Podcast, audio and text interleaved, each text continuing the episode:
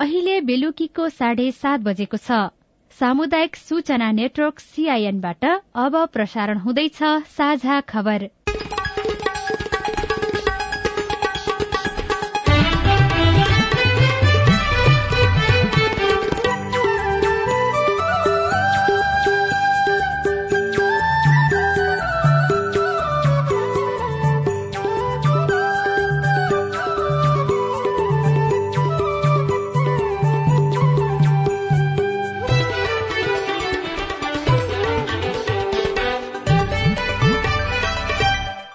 सीआईएनको साझा खबरबाट सोभिता रिसालको नमस्कार। साझा खबर देशभरिका सामुदायिक रेडियो सीआईएन खबर डट कम सीआईएनको फेसबुक पेज र मोबाइल एप सीआईएनबाट पनि सुन्न सकिन्छ।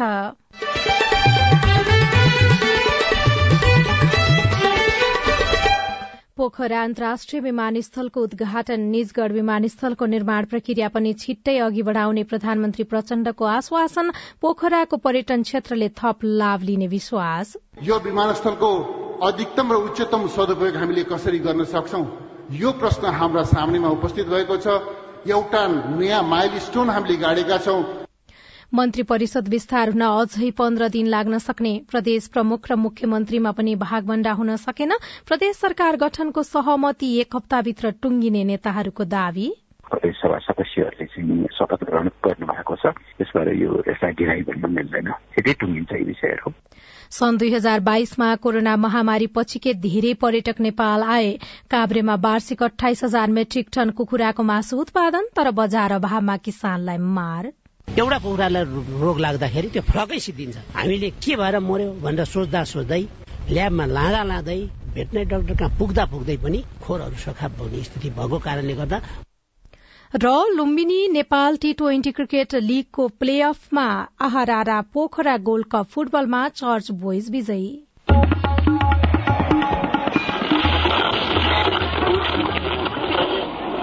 रेडियो। हजारौं रेडियो कर्मी र करोड़ौं नेपालीको माझमा यो हो सामुदायिक सूचना नेटवर्क सीआईएन तापक्रम बढ़दा वन्यजन्तु तथा पंक्षीहरूको वासस्थानमा परिवर्तन आइरहेको छ जसका कारण विश्वकै दुर्लभ हिउँ चितुवाको वासस्थान सन् दुई हजार पैंतिससम्म बीसदेखि पच्चीस प्रतिशतले घट्ने विभिन्न अध्ययनले देखाइसकेका छन्।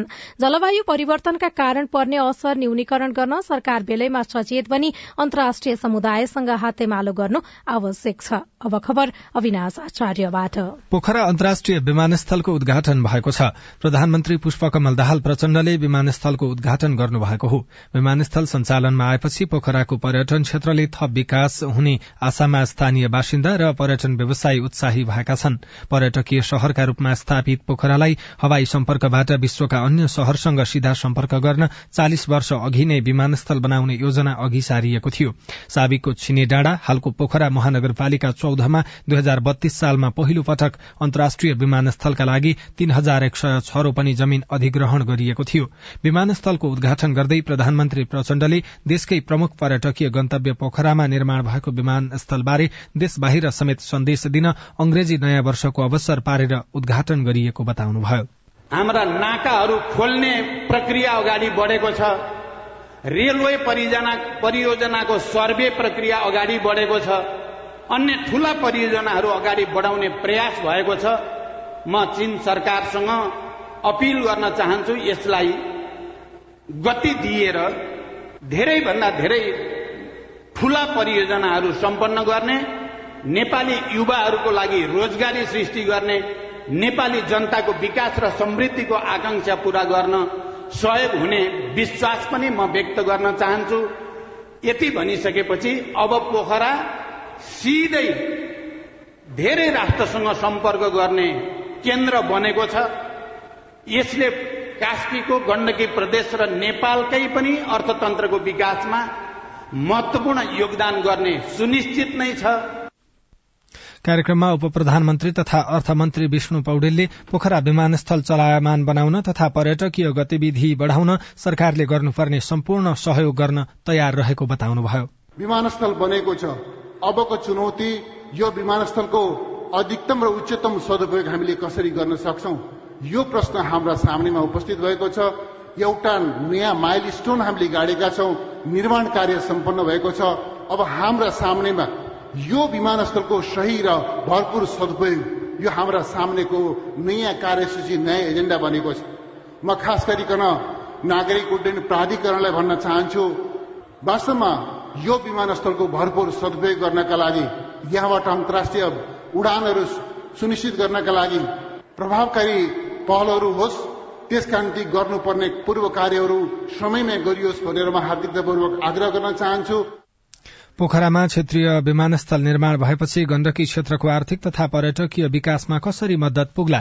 सीआईएनसँग कुराकानी गर्दै पोखरा अन्तर्राष्ट्रिय विमानस्थलका पूर्व आयोजना प्रमुख ओम शर्माले भन्नुभयो यसको रिटर्न पाउनको निम्ति केही समय लाग्ला। हामीले गर्नुपर्ने गतिविधिहरू धेरै होलान्। अहिले हामीले जे लगानी गरौँ यही हाराहारीको लगानी यही अब यस प्रकारले भनेर पोखराकै वरपरको क्षेत्रमा पनि हामीले चाहिँ झन्डै यो एयरपोर्टमा बिस बाइस अर्ब लगानी गरेका छौँ भने त्यो खालको लगानी पर्यटन पूर्वाधारहरू बनाउनुको निमित्त गर्नुपर्छ। जसले गर्दा पोखरा आएको पर्यटक चाहिँ लामो समय अहिलेको भन्दा समय बढ्ने गरी वरपरका क्षेत्रमा घुम्ने खालको बनाउन सकौँ उसको समय लम्ब्याउन सक्यौँ भनेदेखि यसमा गरेको लगानी सार्थक हुन्छ। यदि अहिलेको जस्तै पोखराको चाहिँ जुन पर्यटन एक प्रकारले तालको लेक साइड किनारमा मात्रै सीमित गर्ने हो। त्यसभन्दा बाहेक इभन बेगनाथ ताल रूपा ताल समेतका कुरासम्म पनि नजाने हो भनेदेखि र बाहिरी जिल्लाको त कुरै छोडौँ। त्यो अवस्थामा रहने हो भनेदेखि त आशा गर्न सकिँदैन। अन्यथा चाहिँ संसारका सबै ठाउँहरूमा हेऱ्यो भनेदेखि यस्ता पूर्वाधारहरू बनिसकेपछि पनि त्यसले चाहिँ अर्को मार्न सहयोग पुर्याएको छ। त्यसले गर्दा मैले यसलाई चाहिँ व्यर्थको लगानी हो भन्ने ठान्दिनँ। अहिलेकै पर्यटकीय गतिविधिलाई आधार मान्ने हो भनेदेखि चाहिँ अहिलेकै अवस्थामा यो विमानस्थलले आफ्नो खर्च उठाउन सक्ने अवस्था तपाईँ देख्नुहुन्छ? पोखराको पर्यटन मात्रै होइन कि यो गण्डकी प्रदेशको सिङ्गो पर्यटन आवश्यक परियोजना लुम्बिनी प्रदेशको पर्यटन बागमती प्रदेशको पर्यटन सङ्घ पनि यो विमानस्थल सरकार राख्ने गरी चाहिँ गतिविधि अगाडि बढाउनु पर्छ यहाँका पोखरावासीले पनि त्यो किसिमको पर्यटकीय क्षेत्रको विस्तार गर्नुको निम्ति आफूले पनि लगानी गर्ने त्यसभन्दा सँगसँगै राज्यको लगानी पनि त्यसरी होस् भन्ने खालको चाहना राख्नु अहिलेको दृष्टिकोण चाहिँ पोखराको लेक साइडमा सीमित खालको जुन दृष्टिकोण छ त्यसबाट चाहिँ मुक्त हुने खालको सोचाइ आएन भनेदेखि चाहिँ तपाईँले भने जस्तै गरी त्यो विमानस्थलको लगानी चाहिँ त्यति चाहिँ उपयुक्त त्यति चाहिँ उत्साहजनक नहुन सक्छ। उद्घाटन समारोहलाई सम्बोधन गर्दै प्रधानमन्त्री प्रचण्डले निजगढ़ अन्तर्राष्ट्रिय विमानस्थलको निर्माण प्रक्रिया पनि छिट्टै अगाडि बढ़ाउने बताउनुभयो। प्रधानमन्त्री प्रचण्डले निजगढ़ अन्तर्राष्ट्रिय विमानस्थलको विषय पनि उठाउनुभयो। निजगढ़ विमानस्थलबारे सर्वोच्च अदालतले दिएको आदेशपछि निर्माण अघि बढ़ाउने सम्बन्धमा अन्यल छ। प्रधानमन्त्री प्रचण्डले अब निजगढ़ विमानस्थल अघि बढ़ाउने भन्दै पोखरा अन्तर्राष्ट्रिय विमानस्थलको कारण कास्कीलाई धेरै देशसँग जोड्न मिल्ने बताउनुभयो। सन् दुई हजार बाइसमा कोरोना महामारी पछिकै सबैभन्दा धेरै पर्यटक नेपाल आएका छन्। पर्यटन बोर्डका अनुसार सन् दुई हजार बाइसमा हवाई मार्ग हुँदै छ लाख चौध हजार एक सय अडचालिस जना पर्यटक नेपाल भित्रिएका हुन्। यो संख्या कोरोना महामारी पछिको सबैभन्दा धेरै हो। नेपाल आउने पर्यटक मध्ये सन् दुई हजार बाइसमा सबैभन्दा धेरै सार्क मुलुकका नागरिक छन्। बोर्डका अनुसार दक्षिण एसियाली देशबाट एक वर्षमा दुई लाख छयालिस हजार जना नेपाल आएका छन्। यस्तै युरोपेली देशहरूबाट एक लाख तेत्तीस हजार जना र अमेरिकी मुलुकका छयासी हजार जना नेपाल आएको पर्यटन बोर्डले जानकारी दिएको छ। कोरोना महामारी शुरू हुनु अघिका तीन महिनामा मात्रै दुई लाख भन्दा धेरै पर्यटक नेपाल आएकोमा महामारीपछि त्यो संख्या शून्यमा झरेको थियो। तर पछिल्लो एक वर्षमा भने पर्यटन क्षेत्रमा लय फर्कन पर्यटन क्षेत्र लयमा फर्कन लागेको देखिएको छ। यो देशको अर्थतन्त्र सुधारका लागि महत्वपूर्ण हुन सक्ने अर्थविद रामेश्वर खनालले सीआईएनसँग बताउनुभयो। दुई हजार उन्नाइसमा पर्यटन क्षेत्रको समष्टिगत हवाई उड्डयन र पर्यटन क्षेत्रको समष्टिगत इकोनोमिक कन्ट्रिब्युसन चाहिँ सिक्स पोइन्ट सेभेन पर्सेन्ट हो कुल राष्ट्रिय उत्पादनमा होइन? त्यसमध्येको थ्री पोइन्ट सेभेन पर्सेन्ट चाहिँ डोमेस्टिक टुरिज्म र हवाई उड्डयनको हो क्या खुद चाहिँ वैदेशिक टुरिज्मबाट आउने भनेको तिन पर्सेन्ट जति मात्रै हो। त्यो भनेको राम्रो आएको सालमा दुई हजार उन्नाइसमा उनासी अर्ब आएको थियो सेभेन्टी नाइन बिलियन अब अहिले यो आर्थिक वर्षमा सेभेन्टी नाइन बिलियन छ नपुग्ला यो टु थाउजन्ड ट्वेन्टी टूमा होइन? तर यही प्रवृत्ति गयो भने दुई हजार तेइसमा वार्षिक असी अरब भन्दा बढी नाग्छ र अर्को चार पाँच वर्षपछि गएर रेमिटेन्सलाई उछिन्ने होइन कि रेमिटेन्स एउटा विकल्पको रूपमा उभिन सक्छ कोरोना अघि नेपालको अर्थतन्त्रमा पर्यटन क्षेत्रको योगदान छ दशमलव सात प्रतिशत रहेको थियो नेकपा एमालेका अध्यक्ष केपी शर्मा ओलीले मन्त्री परिषद विस्तार गरिसक्न अझै दश पन्ध्र दिन लाग्न सक्ने बताउनु भएको छ। मदन भण्डारी स्पोर्ट्स एकाडेमीले काठमाण्डुमा आज गरेको कार्यक्रममा अध्यक्ष ओलीले मन्त्री परिषदलाई पूर्णता पाउन अझै दुई हप्ता लाग्न सक्ने बताउनु भएको हो। उहाँले खेलकुद क्षेत्रको विकासमा ध्यान दिन सरकारलाई आग्रह समेत गर्नुभयो। उहाँले खेलाड़ीले खेलकुद क्षेत्रको विकासमा राम्ररी ध्यान दिउन् भन्नका लागि उनीहरूका माग सरकार समक्ष पुर्याउन आफू लागि पर्ने आश्वासन समेत दिनुभयो। संघमा मन्त्री परिषदले पूर्णता पाउन सकेको छैन। छैन भने प्रदेशमा सरकार गठन नै हुन सकेको छैन। कुन प्रदेशमा कसले नेतृत्व लिने भन्नेमा औपचारिक रूपमा सहमति भइसकेको छैन। यस्तै कुन प्रदेशमा को प्रदेश प्रमुख बन्ने सभामुख उपसभामुख कसको भागमा पर्ने भन्ने बारेमा सत्ता गठबन्धनमा औपचारिक सहमति हुन सकेको छैन जसका कारण प्रदेशको सरकार विस्तारमा ढिलाइ हुने देखिएको छ। तर सत्ता गठबन्धनका नेताहरूले भने अबको हप्ता दश दिनभित्रमा प्रदेश सरकारको पनि गठन भइसक्ने बताएका छन्। सीआईएनसँग कुराकानी गर्दै एमाले उपमहासचिव प्रदीप गेवालीले एक हप्तामा प्रदेशमा सरकार गठनको विषय टुंगो लगाउने बताउनुभयो। भर्खरै त निर्वाचन आयोगले तल प्रदेशहरूमा निर्वाचनको परिणाम पठाएर प्रदेश सभा सदस्यहरूले चाहिँ शपथ ग्रहण गर्नु भएको छ। त्यसबाट यो यसलाई ढिलाइ भन्न मिल्दैन। यति टुङ्गिन्छ यी विषयहरू। एउटै प्रदेशमा पनि दलहरूको दावी चाहिँ खप्टिँदाखेरि चाहिँ टुङ्ग्याउन ढिलाइ भयो भन्ने खालका कुराहरू बाहिर आइराखेका छन्। त्यो स्वाभाविकै हो किनभने कुनै पनि दलको अब एकल बहुमत त कहिले पनि छैन होइन? त्यसो भएको हुनाले चाहिँ अहिले सत्तामा रहेका दलहरूको बीचमा समझदारी बनाएर अगाडि बढ्नुपर्ने छ त्यो कुरालाई चाहिँ हामीले सहजतापूर्वक नै टुङ्ग्याउँछौँ। त्यहाँ दलहरूको प्रदेशमा रहेको उपस्थिति र अहिले सबै दलहरू मिलेर अगाडि बढ्नुपर्ने त्यो भावनालाई ध्यानमा राखेर चाहिँ समझदारीका साथ नै टुङ्ग्याइन्छ प्रदेशको नेतृत्व गर्ने कुराहरू। कहिलेसम्म चाहिँ यी विषय टुङ्ग्याउन सकिएला मलाई लाग्छ यो एक हप्ताभित्रमा सबै विषयहरू टुङ्गिन्छन्। यस्तै माओवादी केन्द्रका नेता देवेन्द्र पौडेलले पनि गठबन्धन भित्रको भागबण्डा मिलाउनु पर्दा केही ढिलाइ भएको जस्तो देखिएको भए पनि सबै पदहरूमा सहमति खोज्ने प्रयास भइरहेको सीआईएनसँग बताउनुभयो। विभिन्न दलहरू नयाँ नयाँ दलहरू पनि यो गठबन्धनमा भएको हुँदाखेरि सबैलाई सँगै लिएर जाने पर्ने बाध्यात्मक गणितीय अवस्था भएको हुँदाखेरि सबै पक्षसँग छलफल गरेर जाने क्रममा अब हप्ता पन्ध्र दिन ढिलो हुन सक्छ तर त्यस्तो चाहिँ ढिलो भएको भन्ने होइन। सङ्घीय सरकार करिब बनिसक्यो। अब अरू पनि शपथ ग्रहण हुँदैछ कतिपयको भएको छ। सकिएपछि क्रमशः सबै विषयहरू वान बाई वान टुङ्गिन्। साझा खबरमा अब खेल खबर Lumbini all star Nepal T twenty league क्रिकेटको प्ले अफमा प्रवेश गरेको छ। आज विराटनगर सुपर किङ्सलाई बाह्र रनले पराजित गर्दै लुम्बिनीले प्ले अफमा स्थान पक्का गरेको हो। टीयू मैदानमा भएको खेलमा लुम्बिनीले दिएको एक सय तेइस रनको लक्ष्य पछ्याउने क्रममा विराटनगरले उन्नाइस दशमलव तीन ओभरमा अल आउट भएर एक सय दश रन मात्रै बनाउन सक्यो। आजै भएको पहिलो खेलमा काठमाडौँ नाइट्सले जनकपुर रोयल्सलाई नब्बे रनले हरायो। काठमाडौँले दिएको एक सय एक्कासी रनको लक्ष्य पछ्याएको जनकपुर उन्नाइस दशमलव एक ओभरमा अल आउट भएर नब्बे रनमा समेटिएको थियो। र चर्च बोइज युनाइटेड फुटबल क्लबले बाइसौं संस्करणको आहारा पोखरा गोल्ड कप फुटबलको सेमी फाइनलमा स्थान बनाएको छ। पोखरा रंगशालामा आज मछिन्द्र फुटबल क्लबलाई तीन एकले हराउँदै चर्च बोइज अन्तिम चारमा पुगेको हो। चर्च बोइजको जितमा आशिष चापागाईले दुई गोल गर्नुभयो भने आशिष चौधरीको नाममा एक गोल रह्यो। मछिन्द्रका सौरभ सुब्बाले एक गोल फर्काउनुभयो।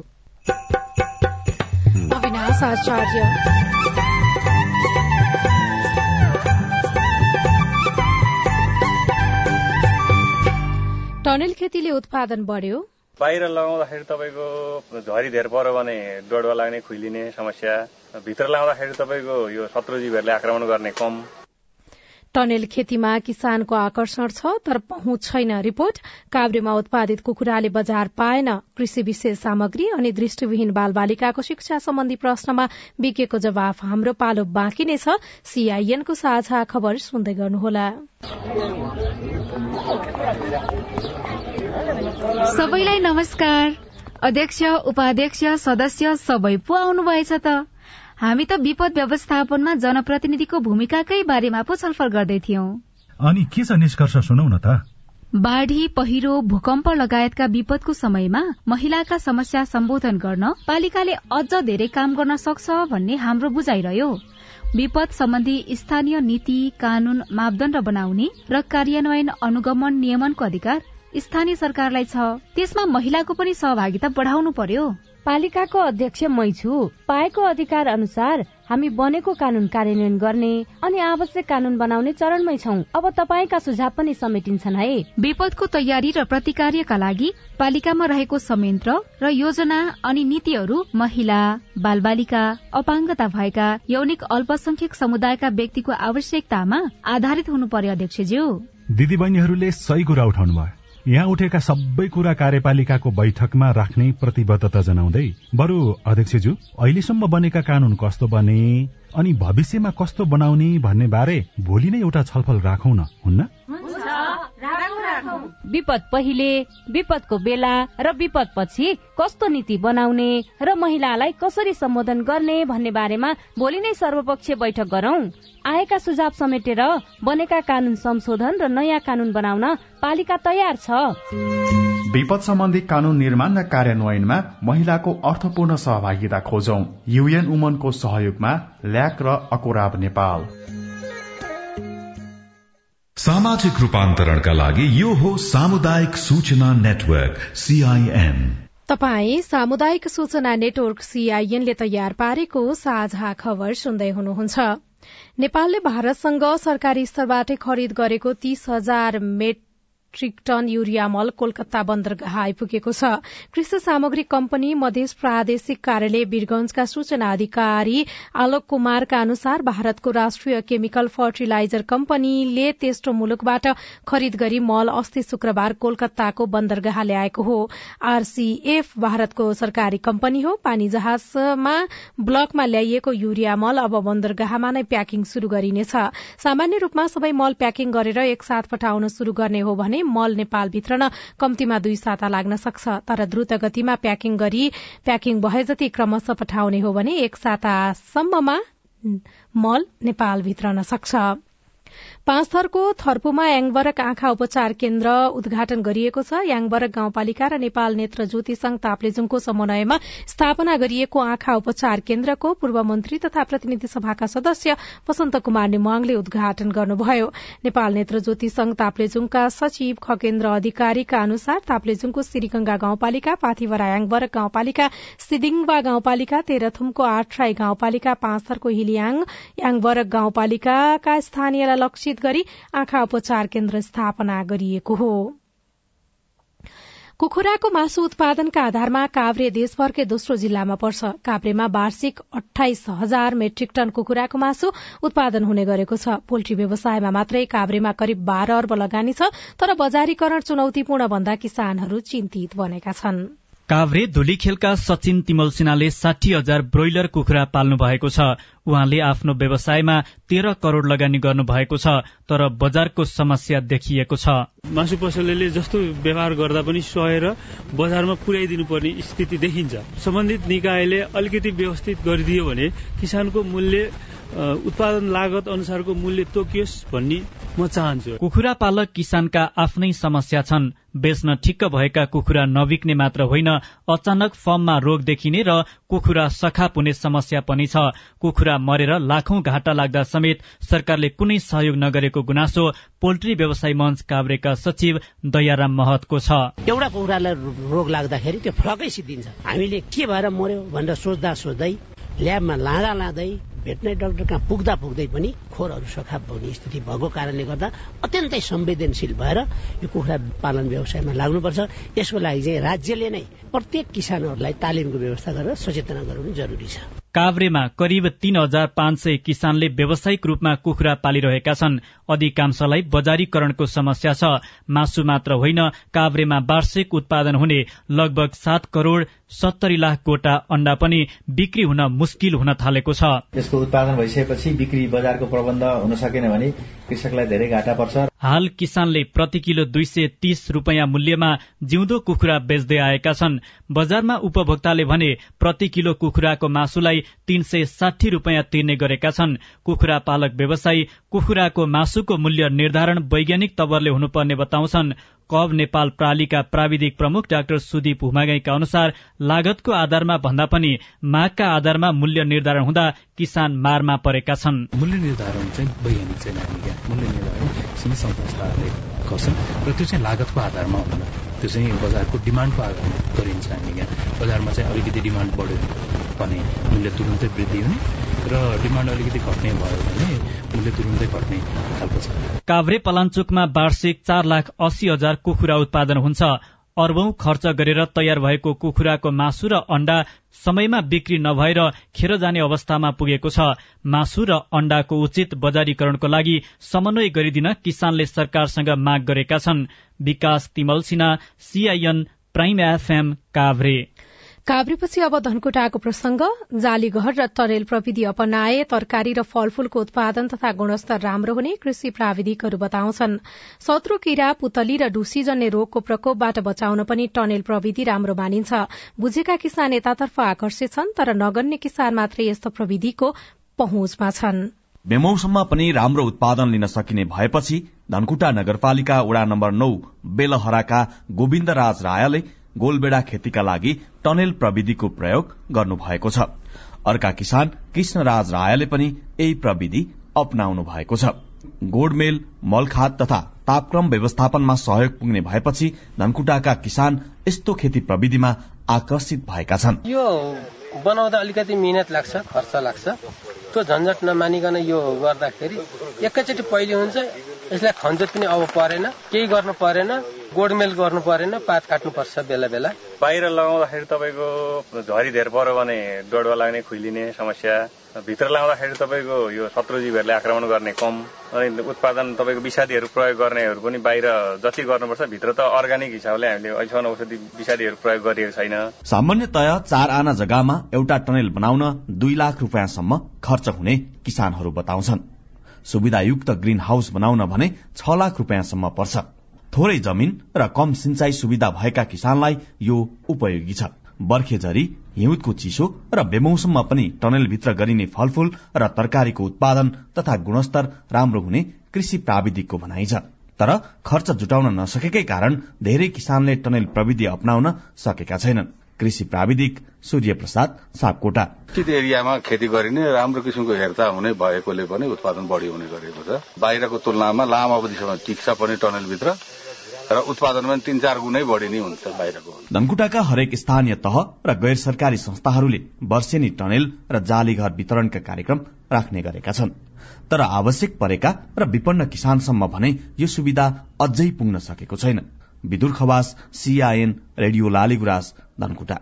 तपाई सामुदायिक सूचना नेटवर्क सीआईएनले काठमाण्डुमा तयार पारेको साझा खबर सुनिरहनु भएको छ।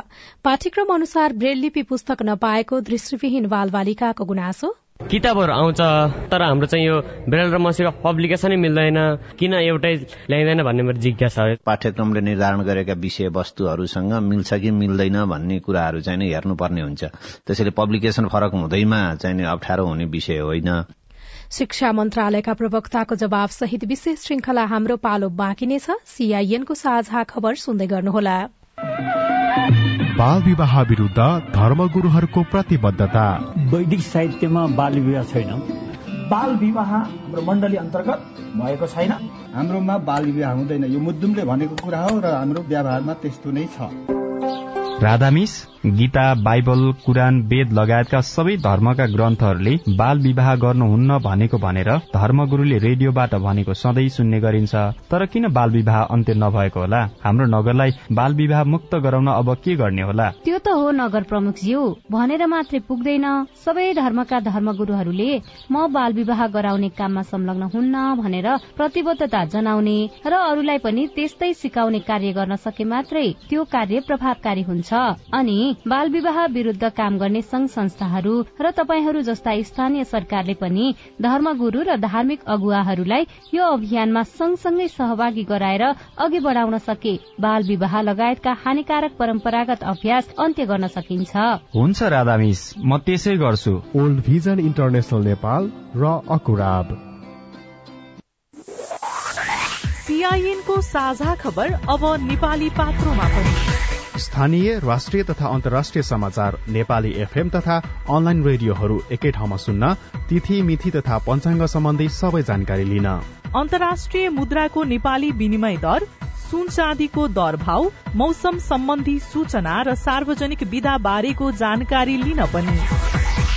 नेपाली पात्रो अब तपाईँको मोबाइलमा। सामाजिक रूपान्तरणका लागि यो हो सामुदायिक सूचना नेटवर्क सीआईएन तपाई सामुदायिक सूचना नेटवर्क सीआईएनले काठमाण्डुमा तयार पारेको साझा खबर सुन्दै हुनुहुन्छ। साझा खबरमा अब प्रस्तुत छ विशेष श्रृंखला हाम्रो पालो।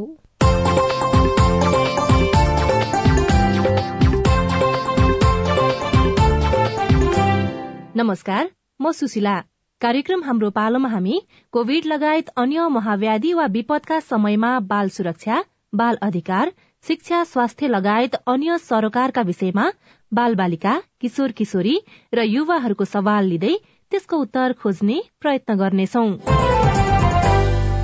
कोविड लगायत अन्य महाव्याधि वा विपदका समयमा बालबालिकाले भोग्नु परेको समस्या ती समस्याका कारण उनीहरूको मनोविज्ञानमा परेको प्रभाव अभिभावक र शिक्षक स्थानीय सरकार र सरकारवालाले उनीहरूका लागि के के गरिरहेका छन् उनीहरूका अपेक्षा र गुनासोहरूको सम्बोधन हामी कार्यक्रम मार्फत खोज्नेछौ। आज हामी हाम्रो पालोको एकासीौं खण्डमा छौं। राष्ट्रिय जनगणना दुई हजार अडसठीका अनुसार नेपालमा पाँच लाख तेह्र हजार तीन सय एक्काइस जना अपाङ्गता भएका व्यक्तिहरू छन् जसमध्ये अठार दशमलव पाँच प्रतिशतमा दृष्टिको समस्या छ।